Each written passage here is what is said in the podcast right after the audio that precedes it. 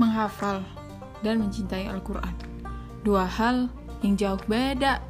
Menghafal isinya suntuk, bosan, harus lama-lama. Sedangkan mencintai ingin terus bersua.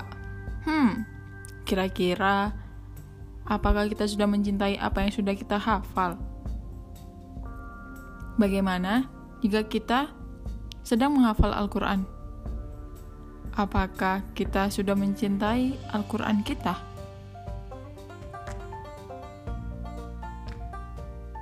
Temukan jawabannya di podcast Sapa Ama, menghafal dan mencintai Al-Quran.